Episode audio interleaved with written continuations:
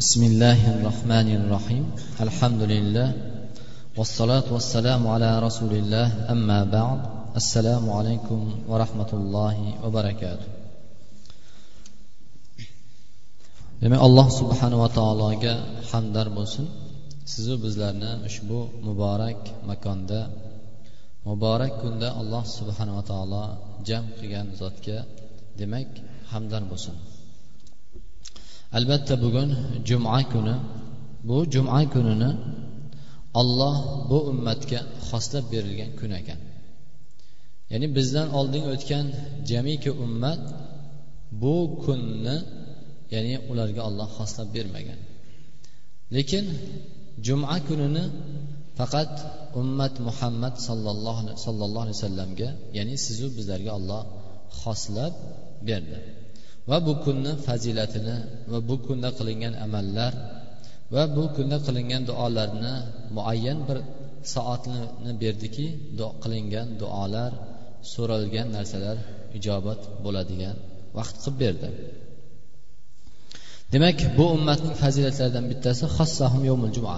Ya'ni bu ummatni alloh subhanava taolo juma kuni bilan xosladi chunki bizdan ومما خص الله تعالى به هذه الأمة أن هداها ليوم الجمعة الذي هو خير أيام السنة وأضل الله عنه من كان قبلنا.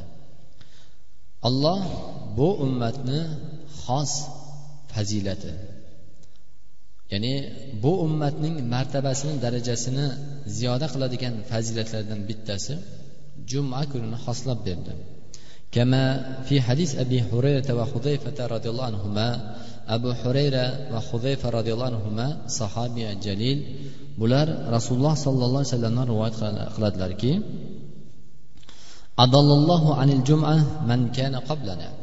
Ya'ni bizdan oldingi o'tgan ummatni juma kunidan adashtirdi.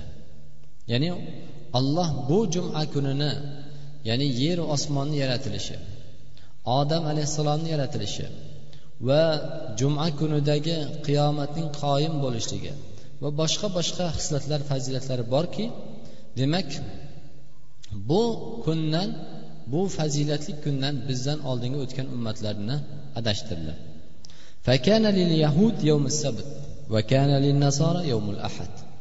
yahudiylar uchun sabt ya'ni shanba kunini ularga kun belgilandi va nasroniylar uchun yakshanba kuni ya'ni addoh kunini فجاء الله بنا فهدانا الله ليوم الجمعة va alloh subhanava taolo bu ummatni yuborgandan keyin bu ummatga ya'ni olloh juma kunida hidoyatladi va juma kunini xoslab berdi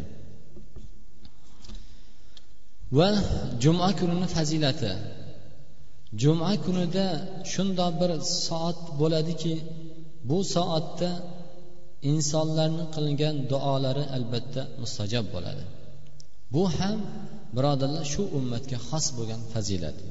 Chunki abu hurayra roziyallohu anhu rivoyat qiladilarki fihi zakara yawmal juma faqol ya'ni juma kunini zikr qildilar va aytdilarki fihi yawmul juma ya'ni fihi sa'atun la yuwafiquha abdun muslimun va huwa qa'imun yusalli yasalulloha taala shayan illa atahu iya ya'ni bu kunda shundoq bir soat bor.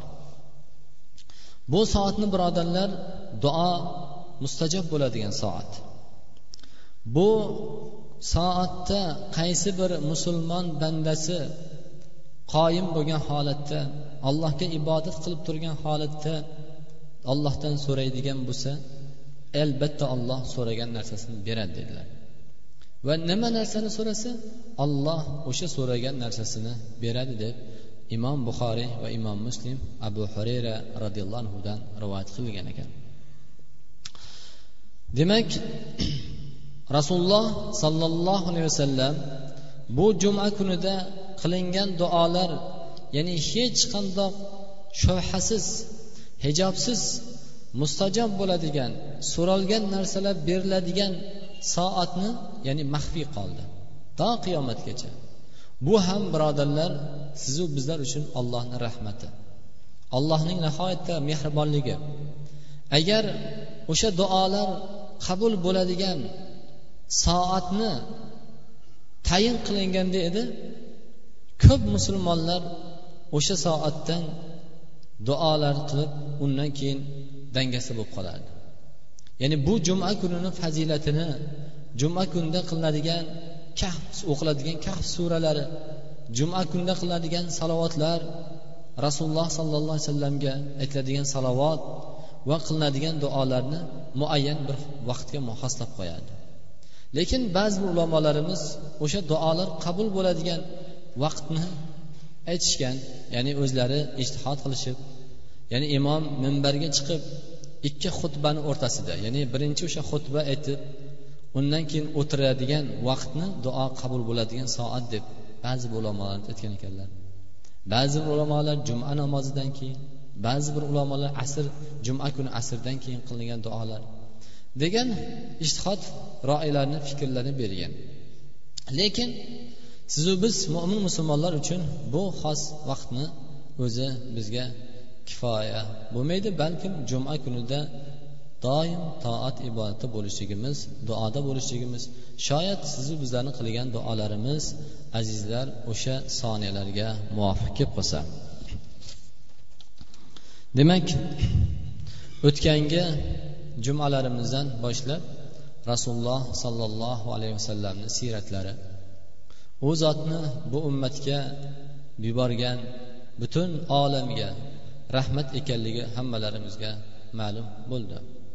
Chunki alloh qur'oni karimda albatta biz sizni rahmat qilib butun olamga rahmat qilib yubordik deb aytdilar. Chunki bu rahmat ekanligi azizlar rasululloh sollallohu alayhi vasallam hayotlik vaqtida bu ummatni azoblamasligiga olloh va'da berdi. Ya'ni biz balo musibatni azobni yubormaymizki va antafihim siz ularni ichida hayot ekansiz biz ularga hech qachon musibat baloni yubormaymiz dedi. Haqiqatan ham hayotlik vaqtida shundoq bo'ldilar. Va bu rahmatdan lil alamin ekanligi butun olamga rahmat ekanligini yana bir dalili bu zotning kofirlarga ham rahmat bo'ldi. Chunki musulmonlarning tepasiga keladigan musibat balolardan saqlanganligi sharofatidan kofirlar ham mushriklar ham allohning azobidan allohning g'azabidan saqlanib qoldi omonda qoldi.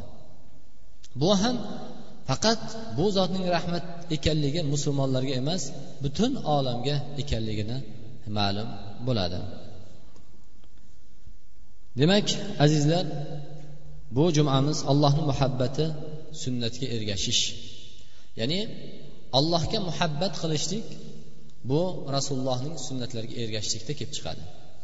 kim men ollohni yaxshi ko'raman desayu lekin allohning rasulini muhammad sollallohu alayhi vasallamni sunnatiga ergashmaydigan bo'lsa birodarlar bu odamni davosi botil bo'ladi.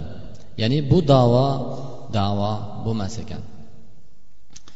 Chunki abdulloh ibn amr ibn as sahobi jalil rasululloh sollallohu alayhi vasallamdan rivoyat etadilarki la yu'minu ahadukum hatta yakuna havahu taban lima ji'tu bih. Ya'ni abu nuaym rahmatulloh alayh rivoyat qilgan ushbu hadisini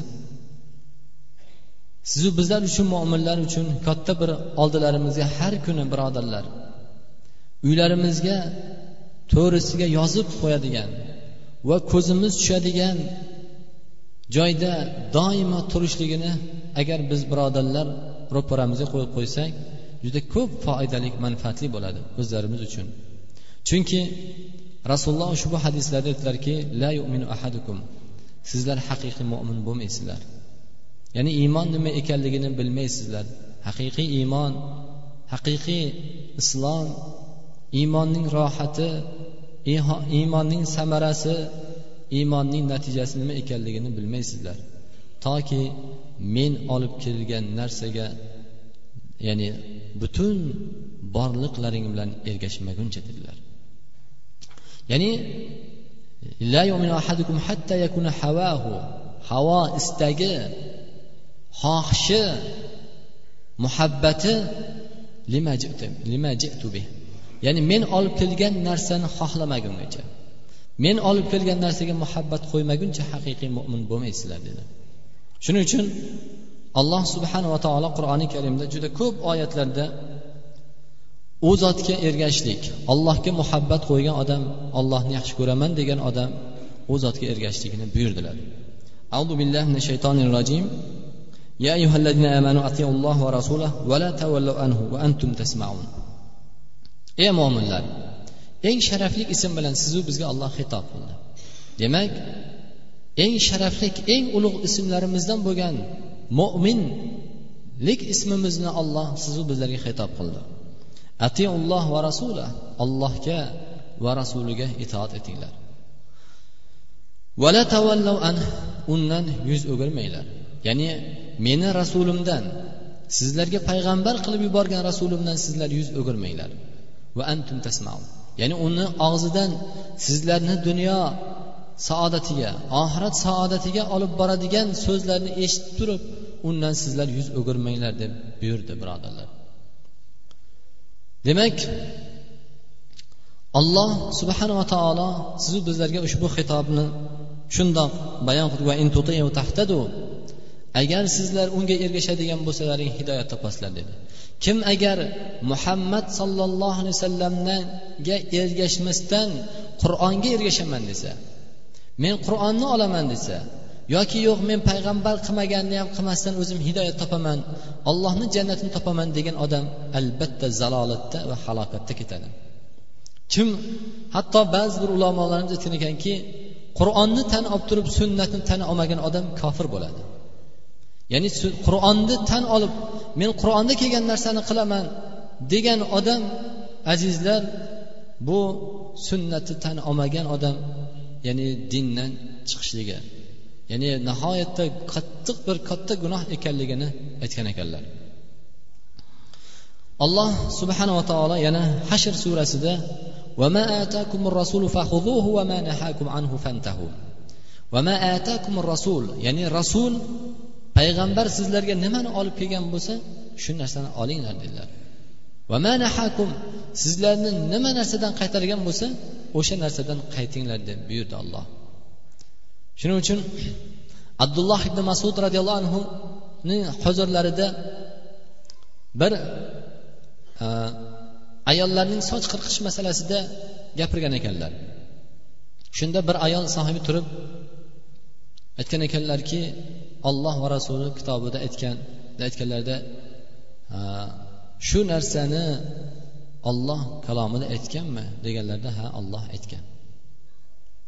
Deb aytgan ekanlar.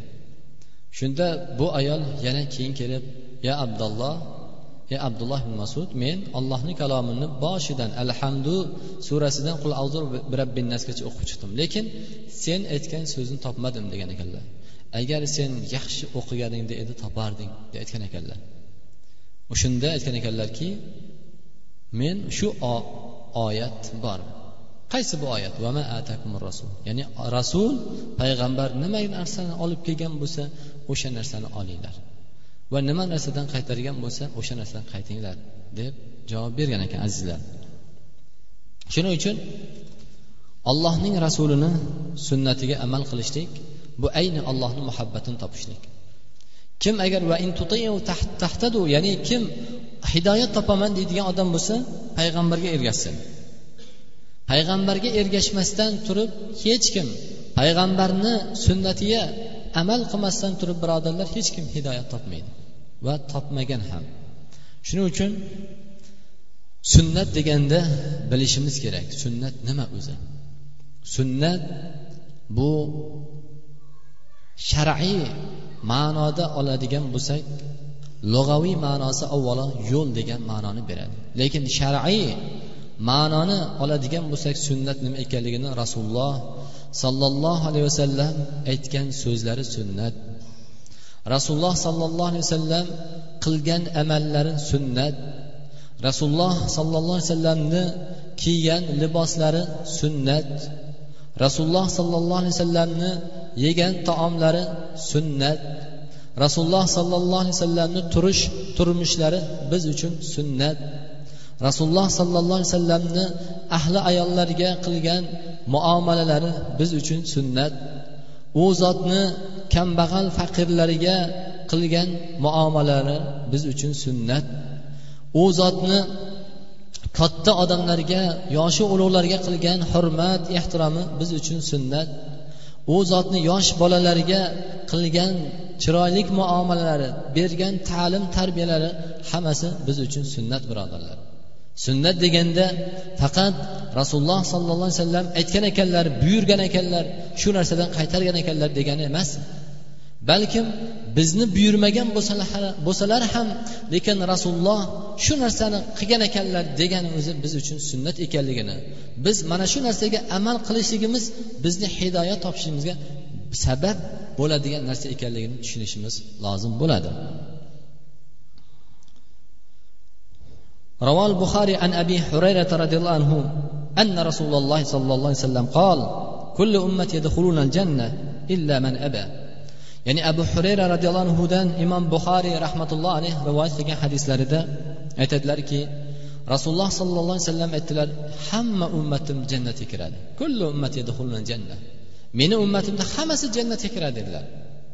Bu ummat hammasi jannatga kiradi. Illa man aba illa bosh tortgan kirmaydi dedilar. Ya'ni illa bu ummatdan jannatga kirmaydigan odamlar ham bo'lar ekan. Yo jannat menga kerak emas deydigan odamlar ham bo'lar ekan. Illa man aba dedilar. Shuning uchun illa man aba bosh tortgan odam dedilar. Qolu ya rasululloh shunda so'radilarki sahobalar ya rasululloh vaman ya aba kim bosh tortadi ya'ni sizni sunnatingizdan sizni olib kelgan hidoyatdan kim bosh tortishi mumkin deganda man atoani dahalal janna kim menga itoat qilsa jannatga kiradi dedilar demak jannatga kirishni xohlagan inson rasulini sunnatiga ergashishlikda ekan itoat qilishlik rasuliga ergashishlik rasulni sunnatiga amal qilishlik jannatga olib kiradigan amal ekan. Vaman asoni faqad aba. Kim bosh tortadigan bo'lsa meni sunnatimdan bosh tortadigan bo'lsa bu odam faqad aba ya'ni bosh tortgan odam bo'ladi bu odam jannatga kirmaydi deb aytdilar. Shuning uchun azizlar juda ko'pchiligimiz muhabbatni davo qilamiz. Allohni yaxshi ko'ramiz deymiz. Payg'ambarni yaxshi ko'ramiz deymiz. Bu yerda o'tirganlar hammalarimiz alhamdulillah bu davoni qilamiz. Lekin bu muhabbatimizni birodarlar haqligini nohaqligini o'zimiz va olloh biladi. Bu muhabbat agar haq bo'ladigan bo'lsa bu muhabbat rost bo'ladigan bo'lsa birodarlar bu muhabbatni samarasi juda boshqa bo'lar ekan.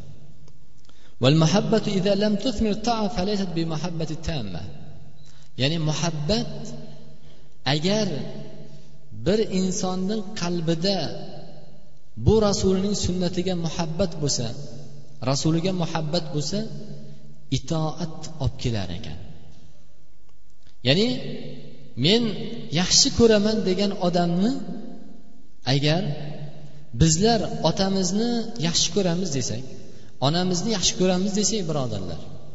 Yoki eng yaqqol bir misol farzandlarimiz bizga otajon sizni juda yaxshi ko'raman desa yoki onajon sizni juda yaxshi ko'raman deb aytsa lekin bizlarni aytganimizni qilmasa yaxshi ko'radi deymizmi biz? Kim aytadi? Yo mani o'g'lim juda mani yaxshi ko'radi yo mani qizim juda meni yaxshi ko'radi muhabbati men uchun menga juda yaxshi ko'radi muhabbatli deb kim aytadi birodarlar? Aqlli odam hech qachon bu narsani aytmaymiz. Xuddi shuningdek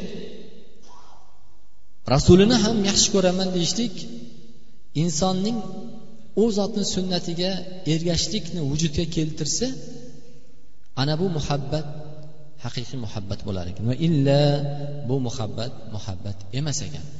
Chunki ahli kitoblar ham nima qildi? Nahnu abnaulloh va biz ollohni o'g'illari biz ollohni yaxshi ko'rgan bandalarimiz deb davo qilishdi. Shunda alloh subhana taolo ularni davosini botil ekanligini yolg'on ekanligini qul in darul xolisatan min nas in kuntum sodiqin. Ayting ularga ey muhammad agar sizlar darul axira ollohni huzuridagi oxirat sizlarniki bo'ladigan bo'lsa faqat jannat sizlarniki bo'ladigan bo'lsa tamanni qilinglar o'limni. Qani orzu qilinglar shu narsani deganda in kuntum agar haq go'y bo'lsalaring. Lekin ular bu narsa nima? Tamanni qilolmadilar. Qilolmaydilar ham. Sabab muhabbat ya'ni nohaq ekanligini yolg'on ekanligini dalili uchun olloh ularni botil ekanligini olloh qur'oni karimda bayon qildi.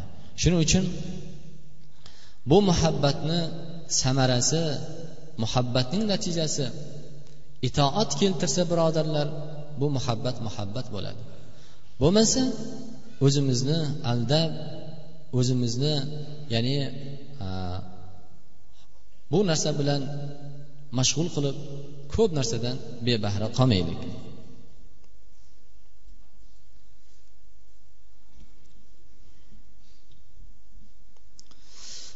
Demak sizlar bilan o'tgangi jumada tanishgan oli imron surasida ham alloh subhanava taolo qul in kuntum tuhibbunalloha fattabiun yuhibbukumulloh va yaghfir lakum dhunubakum vallohu g'afurur rahim. Agar sizlar muhabbat sizlar ollohni yaxshi ko'radigan bo'lsalaring fattabiuni menga ergashinglar. Demak rasuliga ergashishlik bu ollohni muhabbatini topishlikka olib kelar ekan. Agar rasulini sunnatiga ergashmagan odam bu ollohni muhabbatini topmaydi. Demak allohni muhabbatini topmagan odam hamma narsani muhabbatini topsa ham bu muhabbat hech narsaga yaramaydi birodarlar. Va alloh subhanava taolo shuning uchun ham fattabiuni deb ular menga ergashinglar sizlar allohni muhabbatini topasizlar deb ayting ularga. Alloh sizlarni gunohlaringni mag'firat qiladi. Vallohu g'afurur rahim alloh albatta gunohlarni kechirguvchi zot deb aytdilar. Demak niso surasini oltmish beshinchi oyatida ham fala va robbika la yu'minu hatta yuhakkimuka fima shajara baynahum thumma la yajidu fi anfusihim harajan mimma qadayta va yusallimu taslima. Ya'ni Alloh ular haqiqiy mo'min bo'lmaydilar. Hattoki siz ularni o'rtasidagi tortishuv janjallarga hukm qilganingizda ular qalblarida hech qanday harajlik norozilik topmasa o'zlari bilan sizni hukmingizga butun borlig'i bilan rozi bo'lsalar taslim bo'lgandagina ular haqiqiy mo'min bo'ladilar deb olloh niso surasida aytgan ekan. Imom abu davud va termiziy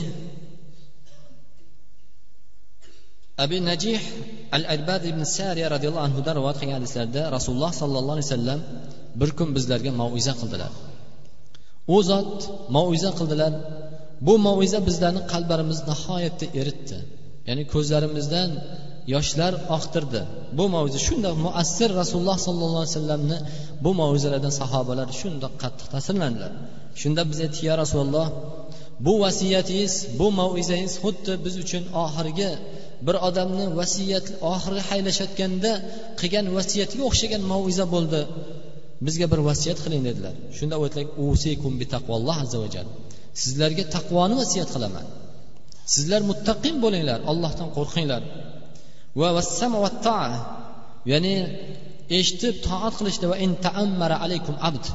Agar sizlarni tepalaringizga amir bir qul bo'lib kelsa ham unga itoat etinglar dedilar.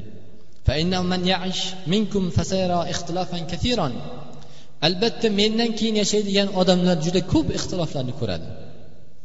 Rasululloh sallallohu alayhi vasallamdan keyin dunyoga kelgan ummati juda ko'p ixtilof janjal munoqashalarni ko'rasizlar demak ana shu ixtilof janjal munoqasha fitna kelgan vaqtida kim omon qoladi bu narsalardan? Deganda meni sunnatimni va xulafay roshidinlarni ya'ni abu bakr umar usmon ali roziyallohu anhu ajmain. Ulardan keyin roshidinlarni sunnatlarini ushlagan odam dedilar. Xususan to'rt bu xalifa abu bakr umar usmon ali roziyallohu anhu ajmainlarni. Addu alayha bin navajid ya'ni ularni mustahkam inson oziq tishi bilan ushlagan narsani nima hech narsa chiqara olmaydi agar mustahkam ushlanadi xuddi shuningdek sizlar ham sunnatni va roshidinlarni xulafa roshidinlar sunnatini mana shundoq mustahkam ushlanglar chunki va iyyakum va iyyakum va muhtasatil umur fa inna kulla bid'atin dalala sizlar bid'atdan ya'ni men qilmagan buyurmagan mendan keyin kelgan abu bakr umar osman ali roziyallohu anhu buyurmagan narsalardan saqlaninglar. Chunki fa inna kulla bid'atin dolala albatta har qanday bid'at bu zalolatdir degan ekanlar. Demak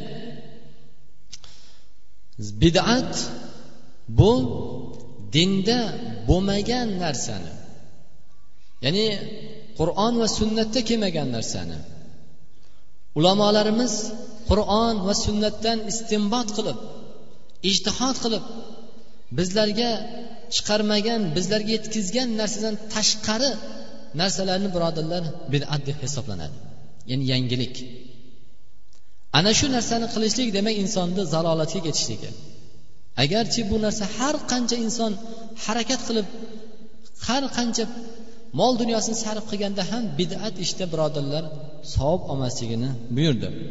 Va undan keyin bu hadisni foydalari sizu bizni o'rtalarimizda ixtilof ko'payib ketar ekan. Chunki firqa zalolatda yurgan firqalar ham bular ham qur'on va sunnatdan gapiradi. Qur'on va sunnatdan gapiradi. Shuning uchun bugungi kunda ahvolimiz ham birodarlar qur'on va sunnatdan gapirayotganlarimiz o'sha odamni qur'on va sunnat deb turib uning qur'on va sunnatga bo'lgan muhabbatini haq ekanligini isbotlaydigan narsa o'shanga amal qilishida ekan. Firqalar ham usmon ibn affan roziyallohu anhu o'ldirgan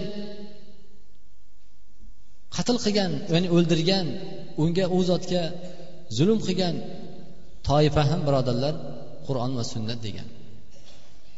Bugungi kunimizdagi xuddi o'shanaqa narsa firqalar ham bugungi kunda ham mavjud ixtiloflar. Bugungi kunda o'zini portlatayotgan odamlar ham qur'on va sunnatda kelgan shu narsani qilishimiz kerak. Biz shariatga muvofiq ish qilyapmiz deyapti. Ular ham birodarlar shuning uchun mana bu odamlar hamma qur'on va sunnat deganda o'sha narsa to'g'ri ekan bu.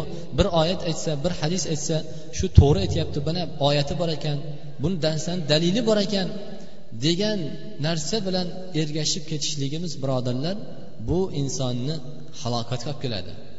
Lekin ana shu vaqtida ham ana shu qur'on va sunnatni bizlarga yetkazgan ulamolarimiz taqvoda ibodatda namuna bo'lgan olimlarimizni fikrlarini ularni ya'ni sharhlarini o'qib bilib ularni nohaq haqligini keyin bilib olamiz aynan qur'on va sunnatni ekan debdi qur'on va sunnatni ushlab olishlik ham bugungi kunda ko'p ixtiloflarimizga olib kelyapti وقد أقد القاضيات o'zining kitoblarida qodiyat aytadilarki saala rajul min ali xolid ibn usayd abdulloh ibn umardan so'ragan ekanlar ya ey abu abdurahmon biz xavf ya'ni salatil xavf bilasizlar Qo'rquv holatda o'qiladigan namoz. Va inson muqim bo'lgan holatda o'qilgan namozlarni fil qur'on va safar. Ya'ni qur'onni topdik. Alloh subhanaa taolo salatil xovfni salatil hadarni muqim bo'lgan namozlarni qur'oni karimda topdik. Lekin musofir odamni qandoq namoz o'qishini biz topmadik deganlarida qola ibn umar aytgan ekanlarki ey ibn ahi ey birodarimning o'g'li innalloh ba'ata ilayna muhammadan sallallohu alayhi vasallam alloh subhanava taolo bizga muhammad sallallohu alayhi vasallamni yubordi. Biz bu zotdan oldin hech narsa bilmagan edik. Birodarlar ko'p halol harom narsalarni rasululloh sollallohu alayhi vasallamdan oldin bilmagan edik. Bilmasdik ham.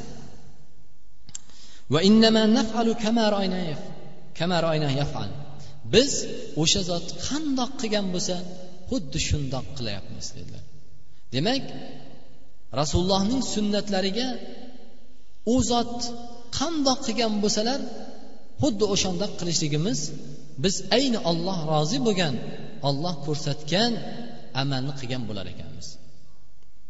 Agar biz o'zimiz fahmimiz bilan o'zimizni aqlimiz bilan qiladigan bo'lsak birodarlar adashib ketishlik hech narsa emas ekan.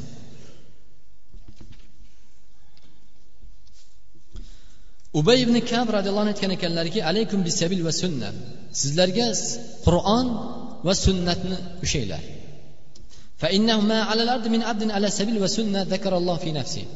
kim bu sabil dinda hidoyat yo'lida bo'lsa sunnat yo'lida bo'ladigan bo'lsa albatta alloh uni zikr qiladi. Ya'ni bu bandasini bu bandasini muhabbati allohni ya'ni muhabbatini bu bandasi topar ekan. Ya'ni ollohni qo'rquvdan ko'zlariga yosh keladi dedilar. Kim agar shu yo'lda yursa agar bu yo'lda yurmaydigan bo'lsa birodarlar qo'rquv insonning musibat kelib turganda qalblarni larzaga soladigan oyat eshitganda yoki qalblarni qo'rquv larzaga solib ko'zlaridan yosh oqizadigan holatlarni ko'rganda ham indamasdan kulib turaveradi. Lekin u inson ana bu qalbni qo'rqiydi qo'rqadigan ko'zlardan yosh oqadigan taqvo yoshi oqadigan qalbdan taqvo yig'isi chiqadigan inson bo'lishligi uchun birodarlar mana bu yo'lni mustahkam tutish kerak ekan.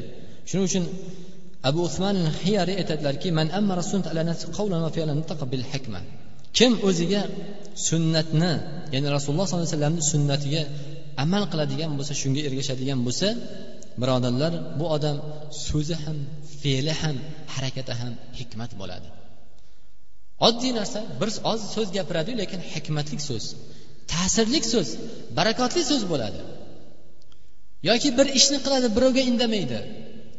Lekin sunnatga muvofiq amal qilganligi uchun birodarlar bu odamda haligi fe'li harakati boshqa insonlarga muassir ta'sirli bo'lar ekan. Palonchi shundoq qildi men ham shundoq qilaman. Yoki palonchi shundoq gapni gapirdi haqiqatda shundoq qilishimiz kerak ekan deydigan darajaga kelishi uchun o'sha odamni so'zi fe'li ta'sirli bo'lishligi uchun hikmatli bo'lishligi uchun sunnatni man ammara sunna ya'ni sunnatni ushasin o'sha odam oldin deb aytdilar.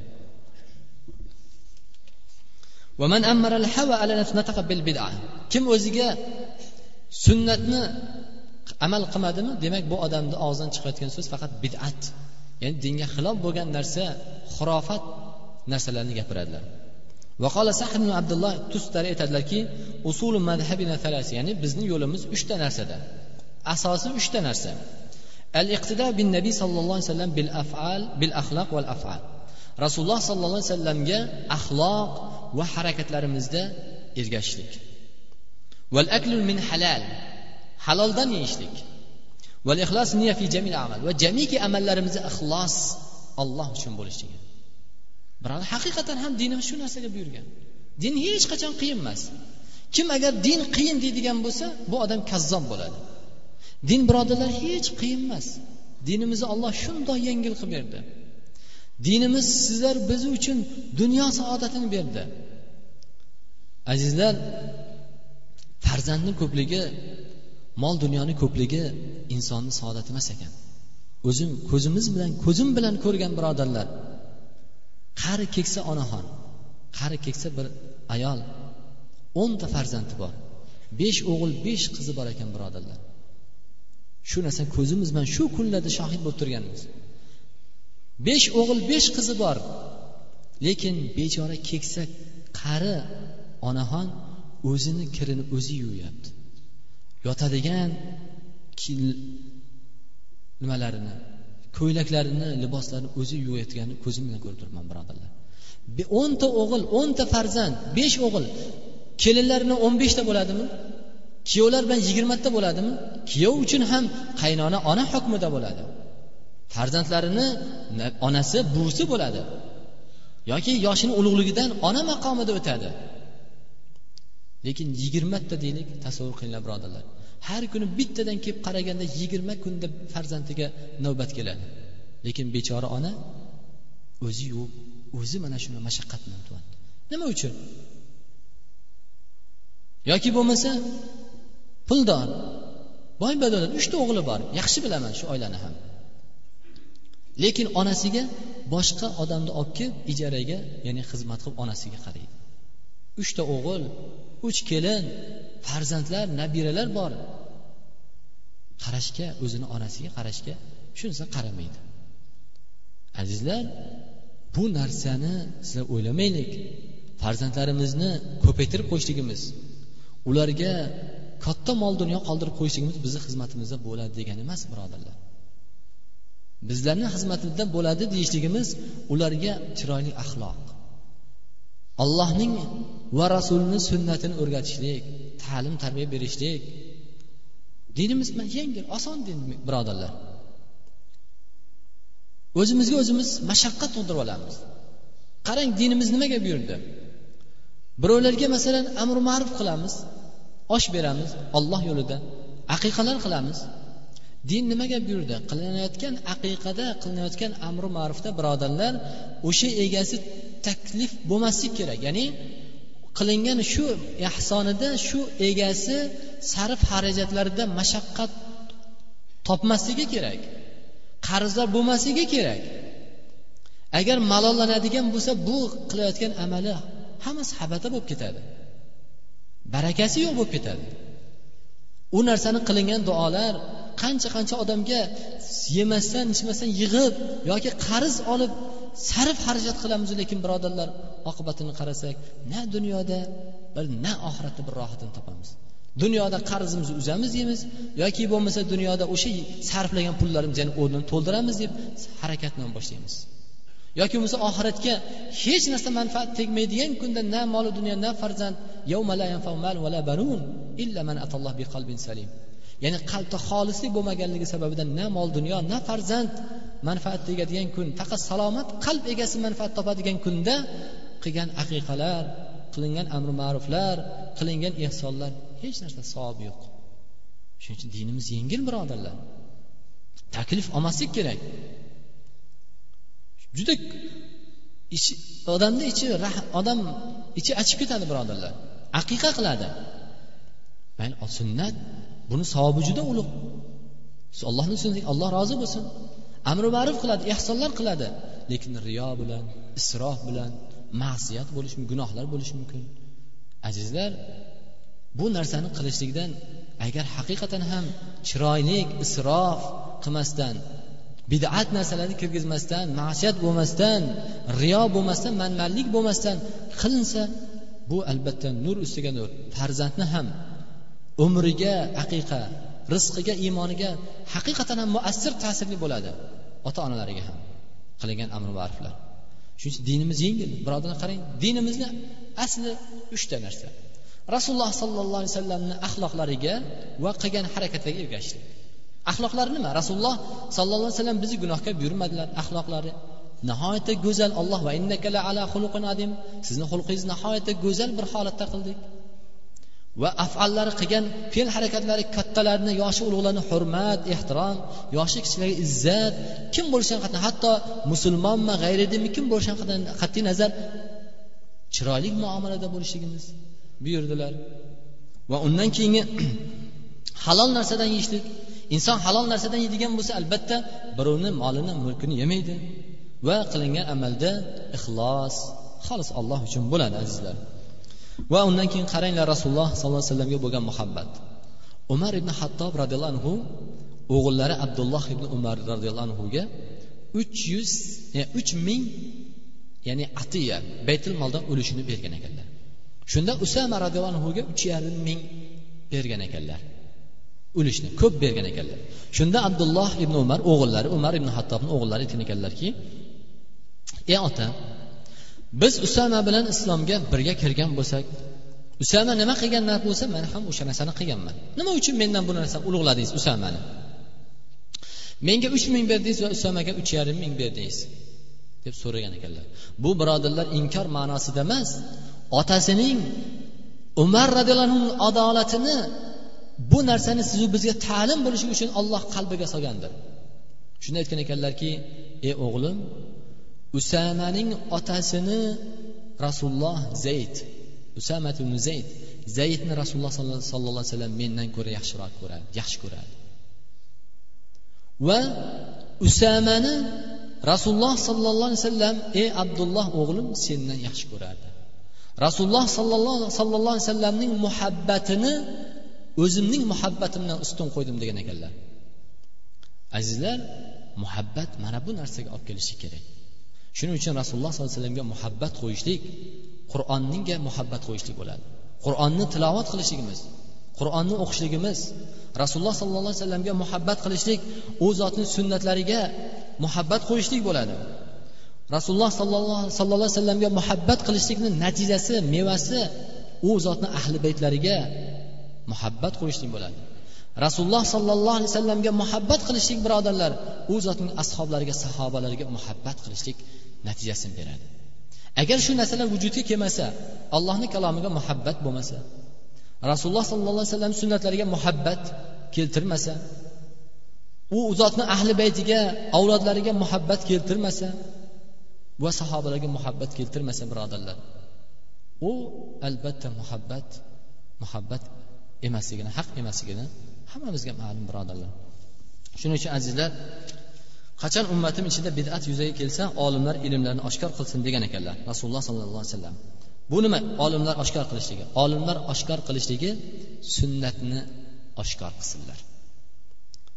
Ummat ichida bid'at vujudga keldimi?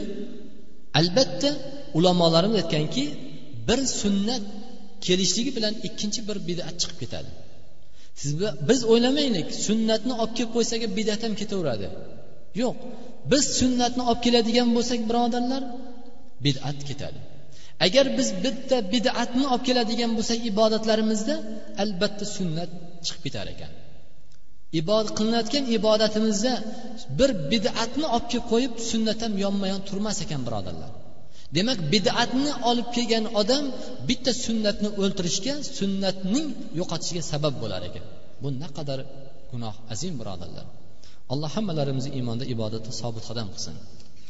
Allohning va rasuliga muhabbat qo'yishligini va u zotlarni muhabbatini allohni muhabbatini topishlikka alloh muvaffaq qilsin. Va rasululloh sollallohu alayhi vasallamni sunnatlariga amal qilib qilayotgan ibodatlarimizni holi hayotli vaqtimizda faqatgina sunnat deganda namozda emas kiyimlarida ham sunnatiga ergashishlikda turishlarida ham sunnatiga ergashishlikda va taomlanishlikda ham ko'rinishlarida ham sunnatiga ergashishga alloh muvaffaq qilsin. Va farzandlarimizga haqlarni ado qilishlikda ta'lim tarbiyada otalarimiz onalarimizni hurmat qilishlikda va ahli ayol qarindosh urug'larimizni ham hurmat ehtirom qilishda haqqini ado qilishlikda alloh u zotni sunnatiga ergashishga alloh muvaffaq qilsin. Va sallallohu ala sayyidina nabiyina muhammad va ala alihi vashabi ajmain. Alloh hammalarimizni iymonda ibodatda sobit qadam qilgin. O'zingni haq yo'lingdan adashtirmagin parvardigoro. Bizlarga bu uy seni uyingdir parvardigoro. Seni noming ulug'lanib zikr qilinadigan uy bo'lib qolishing qiyomatgacha alloh muvaffaq qilgin. Alloh bizlarni bu jamligimizni davomiy qilgin. Bir birlarimizga mehr muhabbatlik oqibatli qilgin. Albatta alloh bizlarni bundoq o'zingni uyingda jam bo'lishimizga sabab yurtimizni tinchligi vatanimizni xotirjamligi alloh bular biz uchun ne'matdir. Alloh shuning uchun yurtimizni tinch qilgin xotirjam qilgin vatanimizni alloh ixtilof janjallardan alloh o'zing saqlagin. Qur'on va sunnat deb bizlarga fitna bo'layotgan dinimizni rivojiga to'sqin bo'layotgan zalolat yo'lda noto'g'ri yo'lda yurganlarga ham alloh hidoyat bergin. Alloh rahbarlarimizga xayrli ishlarga alloh rivoj bergin shar'iy ishlariga. Alloh ularni xalqqa muhabbatli qilib xalqni ham alloh rahbarlariga muhabbatli qilgin. Alloh yurtimizni ham mustaqilligini davomiy qilib barqaror qilgin. Alloh hamisha o'zingni haq yo'lini adashtirmagin. Duo talabida bo'lgan birodarlarimiz bor farzandlari bemor ekan. Bir birodarimizni kelinlari bemor ekan alloh shifo bergin. Ushbu ulug' kunda ushbu ulug' oylarda alloh senga iltijo qilib so'rayapmiz. Alloh kelinlariga shifo bergin. Va bu birodarimizni farzandlariga ham shifo bergin va yana bir birodarni farzandlarini baxtlarini ochib chiroyli bo'lib ota onalarini istagan chiroyli shar'iy yaxshi niyatlarga alloh farzandlarini ham baxtlarini muyassar qilsin. Alloh bizlarni muhabbatimizni haq qilgin. Rasulingga muhabbatimiz bor. O'zingga muhabbatimiz bor parvardigoro buni haqiqiy qilgin. Olloh bu qalbni egasi o'zingsan. Qalblarimizni olloh boshqaruvchi o'zingsan muhabbatni ham parvardigori haqiqiy qilgin va muhabbatni samarasini ergashishlikni ham alloh bizlarga nasib aylagin va sallallohu alayhi muhammad rahmatika ya rahmanir rohim أعوذ بالله من الشيطان الرجيم لا إله إلا الله وحده لا شريك له له الملك وله الحمد وهو على كل شيء قدير بسم الله والصلاة والسلام على رسول الله اللهم يا مقلب القلوب ثبت قلوبنا على دينك اللهم يا مصرف القلوب صرف قلوبنا على طاعتك parvardigoro bizlar gunohkormiz ko'p seni amringga rasul sunnatiga alloh xilofimiz parvardigori alloh muvofiq qilishga nasib aylagin va gunohlarimizni alloh mag'firat qilgin alloh bizlarni ota onalarimizni ko'zini quvontiradigan dunyoda oxiratda va farzandlarimiz ham alloh bizlarni ko'zlarimizni quvontiradigan farzandlardan qilgin اللهم إنا نسألك الهدى والتقى والعفاف والغنى برحمتك يا أرحم الراحمين